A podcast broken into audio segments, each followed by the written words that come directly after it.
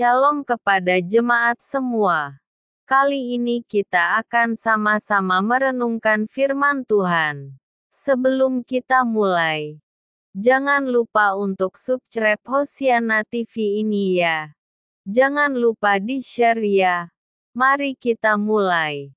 Dengan judul Tugas orang pilihan Allah. Yesaya 42 ayat 1 sampai 9. Biasanya perikop ini dipakai untuk menubuatkan tentang Yesus Kristus yang merupakan anak Allah yang datang menjadi manusia. Dalam pelayanannya, Yesus memberitakan firman Allah, menantang kekuasaan yang semena-mena, bahkan rela menderita. Ia melakukan itu semua dengan kasih. Ia juga dekat dengan orang-orang marginal karena ia hendak menyelamatkan dan memulihkan hidup mereka. Akan tetapi, perikop ini juga dapat ditujukan kepada kita karena kita adalah orang-orang percaya yang telah dipilih Allah untuk menjadi hamba-hambanya, bandingkan 1 Petrus 2 ayat 9. Tentunya, mendapat status sebagai orang pilihan berarti ada tugas-tugas khusus yang harus kita pahami. Pertama, orang pilihan Allah bekerja di dalam Roh Kudus untuk menjalankan hidup dan pelayanannya.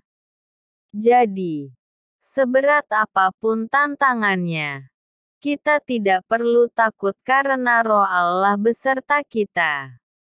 Kedua, pelayanan yang dilakukan harus didasarkan pada hukum atau perintah Allah. Sebab itu, kita harus selalu bersekutu dengan Allah melalui firman-Nya dan menghidupi firman itu dengan setia. Ketiga, Orang pilihan Allah dipanggil untuk menyampaikan rencana keselamatan Allah bagi orang berdosa.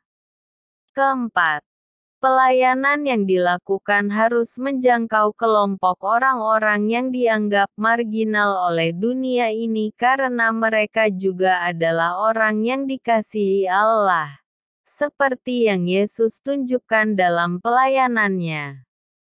Kelima, Pelayanan tersebut harus memberi tempat utama bagi nama Allah karena mudah sekali bagi seseorang untuk terjebak mencari kemuliaan bagi dirinya walau dalam konteks pelayanan. Satu-satunya kemuliaan adalah kemuliaan Allah. Dialah yang maha tinggi. Sebab itu, kita sebagai orang percaya dapat bersyukur untuk kasih Tuhan yang telah memilih kita dan menjadikan kita istimewa baginya. Sebaliknya, kita harus setia untuk menjalankan tugas sebagai pemberita Injil kepada setiap orang di sekitar kita. Karena dunia ini memang membutuhkan keselamatan yang hanya bisa diperoleh dari Tuhan kita.